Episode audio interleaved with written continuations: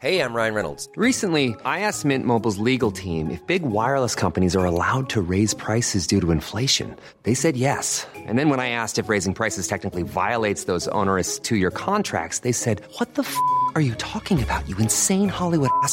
F- So to recap, we're cutting the price of Mint Unlimited from $30 a month to just $15 a month. Give it a try at mintmobile.com slash switch. $45 upfront for three months plus taxes and fees. Promo rate for new customers for limited time. Unlimited more than 40 gigabytes per month. Slows. Full terms at mintmobile.com. I'm Sandra, and I'm just the professional your small business was looking for. But you didn't hire me because you didn't use LinkedIn jobs. LinkedIn has professionals you can't find anywhere else, including those who aren't actively looking for a new job but might be open to the perfect role, like me. In a given month, over 70% of LinkedIn users don't visit other leading job sites. So if you're not looking on LinkedIn, you'll miss out on great candidates like Sandra. Start hiring professionals like a professional. Post your free job on linkedin.com/people slash people today. Millions of people have lost weight with personalized plans from Noom, like Evan, who can't stand salads and still lost 50 pounds. Salads, generally, for most people, are the easy button, right? For me, that wasn't an option. I never really was a salad guy. That's just not who I am. But Noom worked for me. Get your personalized plan today at Noom.com. Real Noom user compensated to provide their story. In four weeks, the typical Noom user can expect to lose one to two pounds per week. Individual results may vary.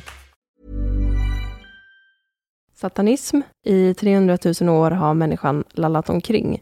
Och det här är vad de har ställt till med.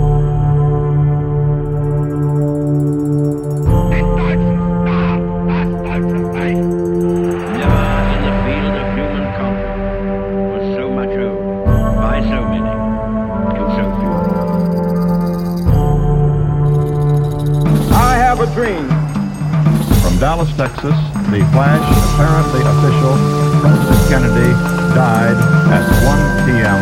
Central Standard Time. It's one small step for man, one giant leap for mankind. Statsminister Olof Palme är död. På eftermiddag, World Trade Center i New York brinner. Nu blir det historia med Dan Hörning och Cornelia Boberg. Och med det välkomnar vi er till dagens avsnitt. Som ska handla om satanism och Satan. Oj, Ja, ännu en religiös figur, men vi tar inte upp frågan, fanns Satan på riktigt? det gjorde han. Eh, Jag vet ju inte om vi borde varna för det här avsnittet. Eftersom att vi kommer prata om religion och framförallt kristendomen. Varning för eh, religion. Också lite roligt att vi har varnat för religion i de avsnitten som har berört kristendomen, men inte när vi pratade om Buddha. Gjorde vi inte det? Nej. Oj då. Mm. Men vi ska i alla fall prata om Satan och satanism idag. Och personligen så känns det här jättebra för mig. Eftersom att i helvetet så är det varmt och skönt och jag fryser jättemycket just nu. Och vi ska börja med satanism och lite senare i avsnittet så ska vi prata om Satan som en figur. Den historiske Satan, helt enkelt. Ja. Och allra sist i avsnittet så ska vi hänge oss åt en liten konspirationsteori. Ja, här är det ju roligt nästan jämt. Det finns få saker vars rykte har blivit så pass smutskastat och missvisande som satanism. Ofta förknippas det med hemliga sällskap som offrar spädbarn, dricker människoblod, utför hedniska ritualer, ägnar sig åt kannibalism och går emot Gud för att ingå en pakt med djävulen. Det blev ju så att eh, människor i historien som motsatte sig den rådande och dominerande religionen fick ju stämpel som satanism och ansågs vara en fara för samhällsfriden. Då utbredde det sig i alla fall en skräck att dessa människor lurade i mörkret, illvilliga att finna andra som de kunde dra ner sig med till Satan. Och i folkmun används satanism ofta synonymt med djävulsdyrkan. Men i själva verket är inte satanism ett homogent begrepp, utan snarare finns det specifika grupperingar inom satanismen. Moderna grupperingar inom satanismen kan antingen vara teistisk, alltså att man ser på Satan som ett typ av övernaturligt väsen, alltså som, en, som Gud i, i princip. Men satanismen kan också vara ateistisk, och det ska vi prata om lite senare. Och i många fall så har satanism inte något med Satan att göra. Så det är väldigt långt ifrån mässande spädbarnsmördare som möjligt. Jag tänker bara på min favorit True Crime-podd, Last Podcast on the Left. De avslutar varje avsnitt med att skrika en massa konstiga saker varandra. En sak de skriker är Hail Satan. Jag tror att de har pratat en hel del om satanism. Och då, det verkar väldigt lite handla om Satan. Mm, älskar. Ett av mina favoritband, Ghost. Det finns en låt där de mässar olika namn på Satan. Och då säger de också Hail Satan. Och det är säkert en massa gamla feniciska gudar inblandade som Baal och Belzebub. Och... Belzebub, Belial, Mm. Asmodeas, Satanas, Lucifer. Ja, Ja, ja, det är fint. Kärt barn har många namn. Som begrepp så är satanism lite svårt att lokalisera eftersom att det ursprungligt var använt av kristna som ett sätt att kritisera andra trosystem, folk och religiösa handlingar. Kristendomens historia är ju inte så jättekänd för att tolerera varken mångkultur eller individuell frihet och de pekade ju väldigt gärna med hela handen gällande det som inte överensstämde med deras värderingar. Och det blev ju då likställt med satanism. Och på det viset så har synen om satanism påverkats och fått en liten, vad kan man kalla det, en liten bitter eftersmak i mångas mun. jag tänker direkt på häxprocesserna och på processen mot eh, tempelriddarna. Precis. Den berömda fredagen den 13. Mm. Det kanske vi måste göra ett avsnitt om någon gång. För de blir anklagade för väldigt mycket spännande saker. Och många av dem involverar Satan. Mm, exakt. Och faktum är att man har inte hittat några konkreta bevis för att djävulsdyrkande sällskap ska ha existerat och föreställningarna om dessa tros härstammar från slutet av 1300-talet. Mm, det låter ju som inkvisitionen är på gång då. Och det är kul att tänka på sånt. Och häxprocesserna, häxhammaren skrivs väl på 1400-talet. Exakt. Och det, och det är också väldigt lätt att skrämma folk till lydnad. Så här, om du inte gör som jag säger så kommer du att lida. Men ordet Satan har sitt ursprung som ett substantiv som betyder motståndare. Och i detta sammanhang förekommer ordet flera gånger i det gamla testamentet, men vi kommer komma tillbaka till det lite senare. När man då sen skulle sammanställa det nya testamentet så utvecklades idén om att Satan då var en ängel som fick flipp mot Gud och blev utkastad ur himmelriket. En origin story helt enkelt för honom. Senare då så målades Satan upp som en farlig gestalt som lockade människor att begå synd. Men just satanism användes inte förrän under 1500-talet då ordet användes av kristna grupper för att attackera andra. Häxor. Jaha. Och att skapa skräck för inblandning med annat än kristendomen, det var ju ett väldigt effektivt sätt för att uppnå rikedom och makt. Och anklagelser mot grupper som sades haft ihop det med djävulen har ju framförallt existerat i den kristna historien.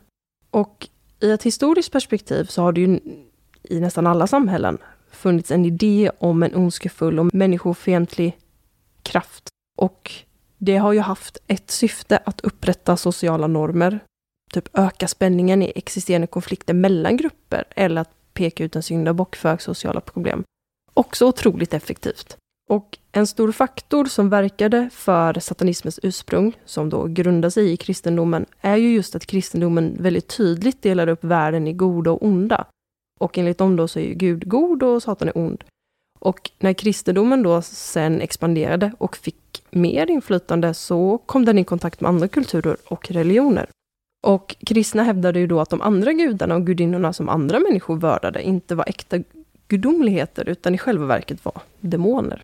Inom kristendomen så fanns det mindre grupperingar som den då dåtida dominerande romersk-katolska kyrkan eh, betraktade som kättare och som då medvetet skulle dyrka djävulen. Och detta skulle då resultera i påståenden om att de här individerna ägnade sig åt incestuösa sexuella orgier och att de mördade spädbarn och hängav sig åt kannibalism och sådana roliga saker. Men än så länge så handlar inte anklagandet från kristendomen till oliktänkande om en satanism i sig, utan det var ju bara ett sätt att peka finger och att etablera sin egna makt. Så sen då efter att Martin Luther kastade in kristendomen i en stor jävla identitetskris så delade upp den i katolska och protestantiska kyrkan och då började satanism som begrepp att florera lite mer vilt. Du är satanist, du är satanist, din Ja. mamma är satanist. Och det är ju egentligen här då som begreppet börjar användas i folkmun. Och under 1500-talet så fanns det inte lagar som riktigt reglerade hur en kristen mässa skulle utföras. Och då uppstod det en oro ifall en mässa skulle utföras på fel sätt och vilka konsekvenser som efterföljde. Exempelvis då att människan skulle bli besatt av Satan. Och det vill man inte. Och präster under medeltiden kunde hålla i privata mässor mot betalningar för olika syften. Och det ökade en oro hos kyrkan att de här prästerna var oseriösa och hittade på sina egna regler. Och därmed så kunde dessa ritualer åkalla demoner istället för Gud. Och skräcken om allt det här spektaklet utvecklades ju under 1500 och 1600-talen till tanken om hur häxor och trollkarlar utförde omvända versioner av kyrkans mässor för att på det viset åkalla Satan. Under medeltiden påstod inkvisitionen, som hade samband med den katolska kyrkan, att flera kettiska kristna sekter, såsom tempelriddarna, som vi pratade om innan, utförde satanistiska ritualer. Oron då som kyrkan kände för människornas samvaro med någon som inte var deras gud, kryddat med lite så här kvinnofientlighet, resulterade i att under den tidiga moderna tiden i massrättegångar mot kvinnor som kyrkan påstod var häxor. Här kommer häxprocesserna, vilka blev ansvariga för runt 40 till 60 000 som, kvinnor som blev mördade under åren 1400 till 1782. Ja, här är intressant att betrakta att det är mycket protestanter som ger sig på häxor. Det är I Salem till exempel i USA. Men också i häxprocesserna i Sverige, då är ju alla protestanter när det börjar i Sverige. Och vi har gjort ett antal avsnitt i Massmördarpodden om häxprocesserna. Och det är fullt av helt bizarra saker som folk tror på. Och att någon kan ha trott att det var verklighet är förvånande. Det går jättemycket på vittnesmål. Bara, jag såg missan Agda flyga upp ur skorstenen på en kvast. Och sen flög hon direkt till djävulen och där hade de en omvänd mässa. Och hon låg med djävulen och nu har de fått en magisk liten bjära som springer omkring och stjäl folks mjölk. Ska det vara så? Fan, det låter ju som att hon har haft en hel kväll. Ja, och då bara, nej men okej, vi, vi avrättar henne.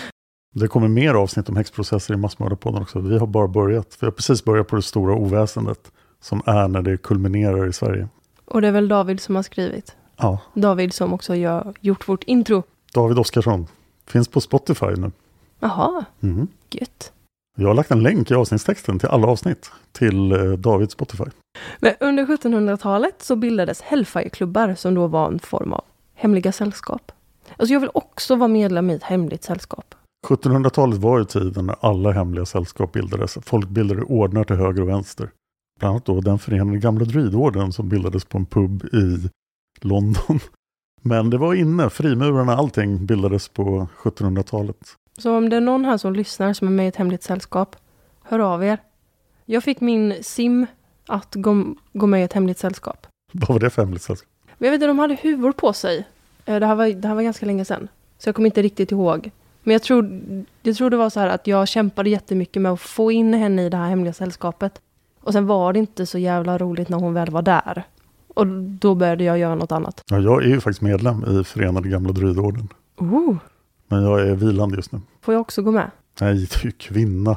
1700-talsordnar accepterar oftast inte kvinnor. Fan. Men just det, de här Hellfire-klubbarna, det var ju olika slags elitklubbar bildade av jag har skrivit överklassmän. Ja, men det låter troligt. Det, känns som, det känns som att överklassmän var den primära målgruppen för de här hemliga sällskapen på 1700-talet. Men de här då, de ägnade sig åt aktiviteter som av dåtidens samhällssyn såg som omoraliska och hedniska, typ som orger och satanistiska ritualer. Eh, och egentligen så var det inga vettvillingar som tillbad Satan, utan ett sätt att protestera mot kristendomen som styrde samhället med järnhand. Det här är också under upplysningen, så folk har ju tappat tron lite grann. Och kyrkan har tappat sin makt. Och häxprocesserna är över. Mm. Så här, religion har visat vad de går för. Folk säger nej nu ska jag tänka fritt. Mm. Och så gjorde de det. Egentligen har inte forskare funnit några direkta satanistiska organiserade grupperingar tidigare än 1900-talet. Nej, det låter rimligt tycker jag. Mm. Ja men verkligen. Det är lite som tantroll för kyrkan. Att ja, ni måste akta er för dem. Vi har hittat på att det här finns. Var rädda. Kom till oss. Ja, men fan, när jag var liten så var jag någonstans och kollade på någon teater med eh, Karius och, Bakt Karius och Baktus. Karius Ja. och Baktius. Det har nog alla barn fått vara med om. Ja. Och jag kommer ihåg någon sån här jättestor tandborste som kommer in och bara... Gjorde ett stort impact på mig som barn. Och bara fan, nu måste jag hem och borsta mina tänder. Så det funkar. Ja, mycket bra. skrämma barn till lydnad. Men nu då så ska vi ju då prata om Satan. Som figur, som person, som figur kanske. Och han är ju en varelse framförallt i de abrahamitiska religionerna, alltså kristendomen, judendomen och islam. Men i judendomen så kan Satan ses som en agent som står under Gud och betraktas som en metafor för att ge efter sig för böjelser som går emot Gud. Det, det kan man inte göra. Eh, medan i kristendomen och i islam så ses Satan som en fallen ängel. I Koranen så ska den här onda kraften vara en varelse som är gjord av eld och som kastas ut ur himlen när han inte ville underordna sig Adam. Alltså då världens första människa, eller man, enligt religiösa personer. Och det är ju inte av en slump exakt vad som händer i Tolkiens värld. När Iluvatar skapar sina andra barn, alltså människorna, och de första barnen, alverna. Då tycker den mäktigaste av alla valar att bara, nej, de där är inte värda någonting för mig. Och så gör han uppror, precis som Lucifer. Gött. Och Sauron är hans hantlangare. Han är Morgoth. Men att Tolkien skulle ha kristna metaforer i sina böcker är ju ja, ett väletablerat faktum. Men ser inte han också lite ut som, eller som man tänker djävulen? Nu tänker du på Sauron? Ja, Ja, ja, ja det gör han absolut. Han är ju en upphottad version av djävulen. ja. Väldigt stor också. Mm. Ja. I islam så ska ju Satan då försöka hetsa människor till synd genom att typ infektera deras sinnen. Ja, och i den första Moseboken, där skapelseberättelsen nämns, så dyker inte Satan upp överhuvudtaget. Även om många kristna menade att ormen i Edens lustgård, som lurar Eva att käka det här äpplet, skulle vara Satan. I Matteus, Markus och Lukas evangelierna så ska Satan ha frestat Jesus när han härjade i öknen. Men om ni har lyssnat på vårt avsnitt om Jesus så vet vi om problemet med evangelierna. Men där är ju också Satan i sin gammaltestamentliga roll. Han arbetar för Gud och han är ute och frestar folk. Och i det här fallet Jesus. Just för att Gud ska veta att den här personen i fråga är tillräckligt troende. Och allra mest i Jobs bok. Ja, vi kommer till det. Ja, Ja! Men i den sista boken i det nya testamentet, alltså i Uppenbarelseboken, där finns Satan med. Han är där, men han är en röd drake. ja, det finns ju ingen bok i Bibeln som är så mycket heavy metal som Uppenbarelseboken. Det är så kaotisk samling fantasyhändelser. Men jag känner också att Satan blir identifierad med alla skurkar i Bibeln. Ormen och besten i Uppenbarelseboken. Ja, och jag har träffat väldigt många kristna i mina dagar och ingen av dem har nämnt en röd drake. Och jag tror inte att någon av dem tror på en röd drake, även om de kristna jag har träffat tror att Gud har skapat världen. Så jag tror att de har liksom bara valt ut lite saker. Det här tror jag på. Du måste vänta till domedagen när hårdrocken börjar och 666 står på himlen. Jag ser fram emot det. I det avsnittet i Gamla Testamentet där Satan har liksom den största rollen är i Jobs bok. Job ska då ha varit en väldigt god och ärlig man som vördade Gud. Han är då en av de rikaste i sitt område och han har en väldigt stor familj. Och Gud, han är väldigt, väldigt nöjd över Job. Han tänkte så här, mm, bra. En dag så träffar Satan Gud. Och Satan säger till Gud att om Gud skulle ta ifrån Job allt, alla hans coola saker, så skulle Jobb göra uppror mot Gud. Och då ville Satan testa Jobb och se hur plikttrogen Gud han verkligen är. Och Gud säger okej. Och då åker Satan ner till jorden för att skapa kaos hos Jobb. Satan ska då ha dödat Jobs familj, gjort så att hans boskap blivit stulet och han ger också Jobb bölder, gör honom väldigt sjuk. Jobb blir sur, men han fördömer inte Gud. Och Gud blir då väldigt nöjd och belönar Jobb med det dubbla än vad han, än vad han har förlorat. Så han får två familjer istället för en. Ja, alltså nu har jag ju aldrig läst Bibeln överhuvudtaget. Så jag vet ju inte hur det här utspelar sig, så här, eller att barnen kommer tillbaka. De har också uppstått från de döda. Vi har fler Jesus här än vanliga Jesus. Aha. Det som egentligen är ett problem i Gamla Testamentet är ju att de som hänger där och som har kokat ihop det har ju inte kunnat föreställa sig att någon kraft skulle kunna konkurrera med Gud. Så då är ju frågan ens varför folk är så rädda för Satan, om Gud nu är allsmäktig. Det är ju lite som om nu Dumbledore är den mäktigaste trollkarlen, varför är han rädd för Voldemort? Det kan man ju verkligen undra. Ja.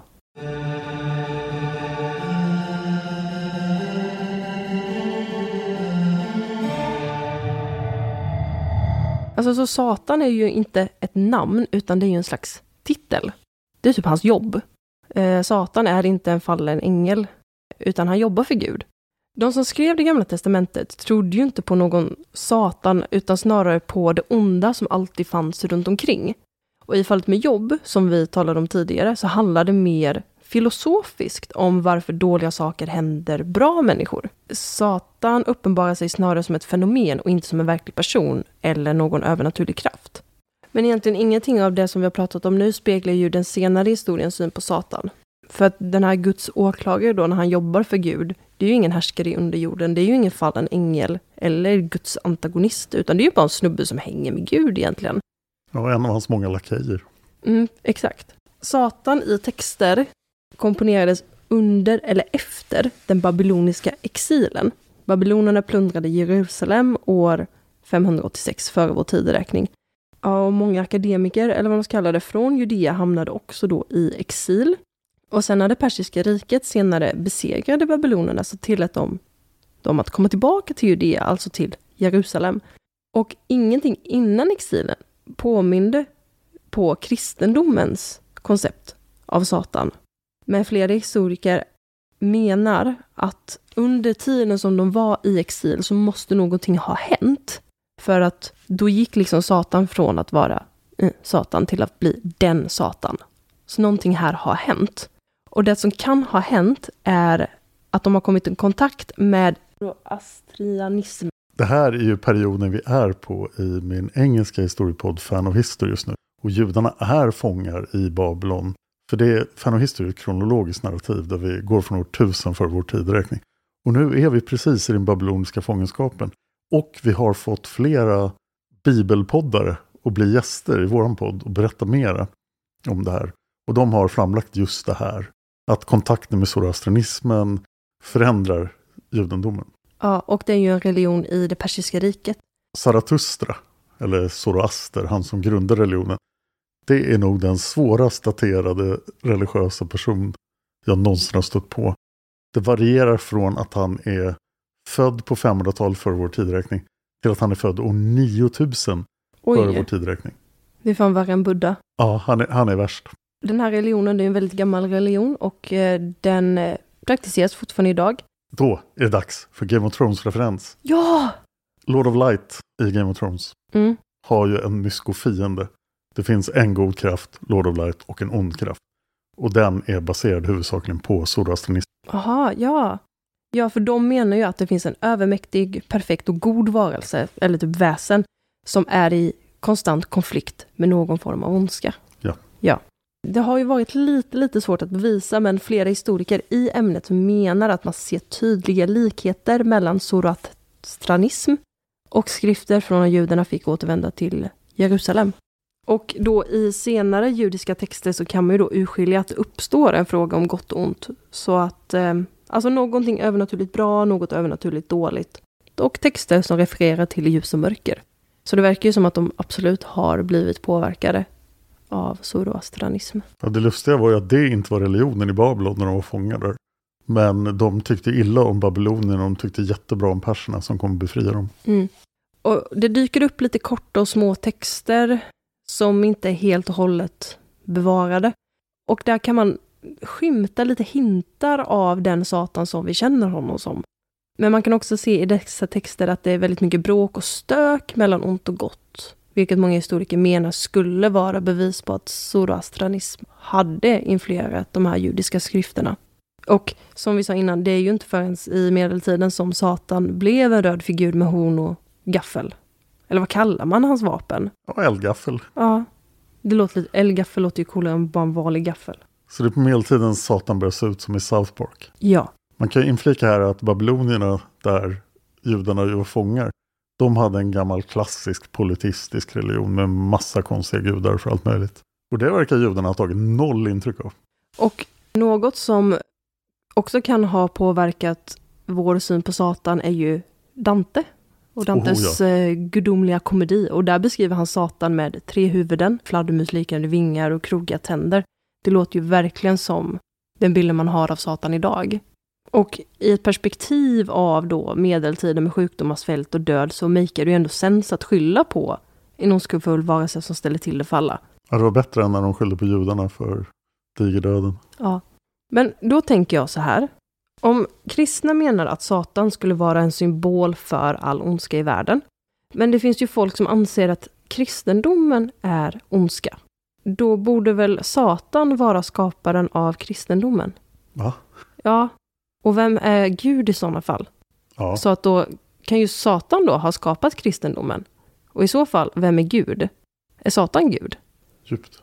Alltså det stora problemet med ett kristet perspektiv är ju då om Gud är allsmäktig, varför tillåts den onda kraften existera? Mm, och om då Satan straffar onda människor, är inte Satan god då? Ja, i någon mening är det. Mm.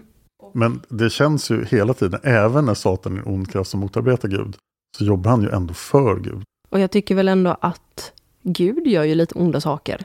Ja, Herrens vägar är outgrundliga. Ja, Gud är ju inte så jävla god. Mitt favoritavsnitt är när Gud ger människor den fria viljan och sen dränker han dem i syndafloden när de inte gör som han säger. Ja, Ja, de måste välja rätt. jag tycker att det är väldigt svårt att kategorisera Satan som ond eller god. Ja, det är väl eh, om, om man köper den kristna definitionen av moral så är han ju ond. Om vi ska hoppa väldigt, väldigt, väldigt mycket framåt i tiden. Till 1966 så grundades satanistkyrkan i San Francisco av Anton Sandor LeVey. LeVey författade den satanistiska bibeln och annan litteratur som blev väldigt central i just hans satanism som kom att kallas LeVey-satanismen. Så lite modern satanism. Hur ser satanism ut idag? LeVey-satanismen är i grunden ateistisk. Istället så lägger den viktpunkten på den individuella människan. Individen i sig ska hitta och genomdriva sin egen mening i livet. LaVey menar själv att satanister är födda. De är inte gjorda. Alltså det är liksom ingen gud eller övernaturligt väsen som har skapat människan mer än människan själv. Människan uppmuntras att upptäcka sin egen sexualitet, skapa sin egen personlighet och fastställa sina egna mål. Den fria sexualdriften är någonting som uppmuntras snarare än att fördömas, så länge den inte skadar någon annan. Särskilt uppmuntras även den sexualitet som tillfredsställer det individuella behovet oavsett om det handlar om heterosexualitet, homosexualitet, bisexualitet eller asexualitet. Fetischer är väldigt välkomna så länge det inte skadar någon annan eller involverar någon som inte vill vara involverad. Anton LaVey förkastade även demokrati, välfärdsstaten och feminism eftersom han ansåg att dessa system leder till masslikformighet mellan raser, kön och intelligens. Istället uppmuntrade LaVey kvinnor att utnyttja sin femininitet till att öka sin egen styrka och välbehag. LaVey menade att feminismen i sig resulterade i att kvinnor skulle hata sin egna femininitet. Kristendomen har ju sin gyllene regel, gör mot andra vad du vill att andra ska göra mot dig. I LaVey-satanismen så menar man istället, gör mot andra så som andra gör mot dig. Alltså ge bara godhet, medkänsla och sympati till de som faktiskt förtjänar det. Slösa inte kärlek till de som har gjort dig fel, svikit dig eller, vara, eller varit otacksamma. LaVey menade att intellektuella och starka individer lade ner alldeles för mycket tid och energi på individer som var uppmärksamhetssökande utan att ge någonting tillbaka. Och istället så skulle man undvika sådana personer så gott det bara gick. Men vad är kopplingen till Satan för Levi? Men det är ju ingen koppling. Nej, det är bara ett coolt namn som man använder för uppmärksamhet. Ja. En marknadsföringstrick. Ja, och det här har ju liksom med det här att satanism är så fult i folkmun. Mm. Men den moderna satanismen, den är ju fredlig som fan. Det är så här, gör vad fan du vill, skit i alla andra, så länge du mår bra. Lite som att du är Satan själv. Satan finns i oss alla. Och istället så ska vi tillägna resten av avsnittet åt en liten konspirationsteori. Och det är ju alltid underhållande. I det här så måste vi leka med tanken att Gud finns på riktigt och att Satan finns på riktigt. Och just den här teorin utgår från Bibelns syn på Satan, som var en av Guds änglar då som vände Gud ryggen. Lucifer, ljusbringaren. Jag har upptäckt att den här teorin florerar på TikTok och det är just här jag fått den ifrån. TikTok är ju en modern social media, så den visar ju också lite även dagens syn på satanism. Och i den här konspirationsteorin så är ju den kristna guden den onda och Satan är den goda. Just eftersom att det inte är Satan som ger folk den fria viljan och sen dränker dem i syndafloden för att de inte lyder honom. Utan det är ju den kristna guden som vill omskära pojkar, inte respektera andra religioner. Medan Satan då å andra sidan inte uppmanar till våld, accepterar andra religioner och uppmuntrar människans individualitet och fria sexuella läggning. I många historiska sammanhang så kan ju mantrat vinnaren skriver historien höras, vilket då menas med att det är vinnaren som kan återberätta en händelse eftersom att förloraren är död. Och det är ju Guds ord som, nu gör jag sådana här kaninöron, det är ju Guds ord som står i Bibeln. Och Bibeln har ju eh, influerat den senare historien väldigt, väldigt mycket. Satan får ju inte säga sitt perspektiv av alla de här händelserna. Det är ju en, en bok där Satan blir smutskastad. Enligt den här teorin så är det ju den kristna guden som lämnar människor i förtvivlan om de duger eller inte för att få komma till himlen. Medan Satan välkomnar alla människor oavsett om de har trott på honom eller inte. Och jag tycker ändå att den makar lite sens. Ja, det var inte Satan som organiserade korstågen. Precis. Han ville bara att folk skulle stanna hemma och ha det bra. Ja. Och återigen, till TikTok. Det, har dykt upp en kvinna i mitt TikTok-flöde. Hon är jätterolig. Hon filmar sig själv och så säger hon, jag har en fråga. Vet du vem Jesus Kristus är? Och det har ju också då dykt upp en man som säger så här, jag tycker att du ska ta emot Jesus. Och då var det en jätterolig kommentar, där det var en som skrev, det var inte jag, det var någon annan, som skrev, han är avlad i hor. Oj! Ja. Ja, det tyckte Cornelia var väldigt, väldigt roligt. Ja, du tänker på den gamla teorin att Maria hade varit otrogen och bara, nej det var en ande, jag lovar. Alltså fatta vad bra hon måste vara på att ljuga. Mm. Och hur lätt manipulerad Josef måste ha varit. Och Josef bara, oj, var det en ande? bara, "Ej, fan vad coolt! Vilken grej. Så bara, ej, min brud har nuppat med Gud. Så är det.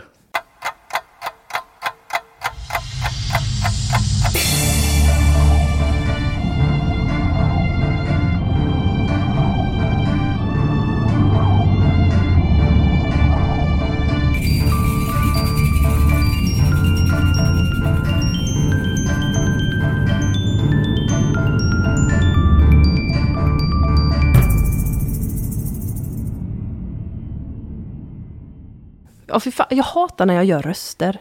Varför gör jag det? Jag vet inte. Sluta med det. Du får, du får hejda mig när jag börjar göra röster. Ja, Ja.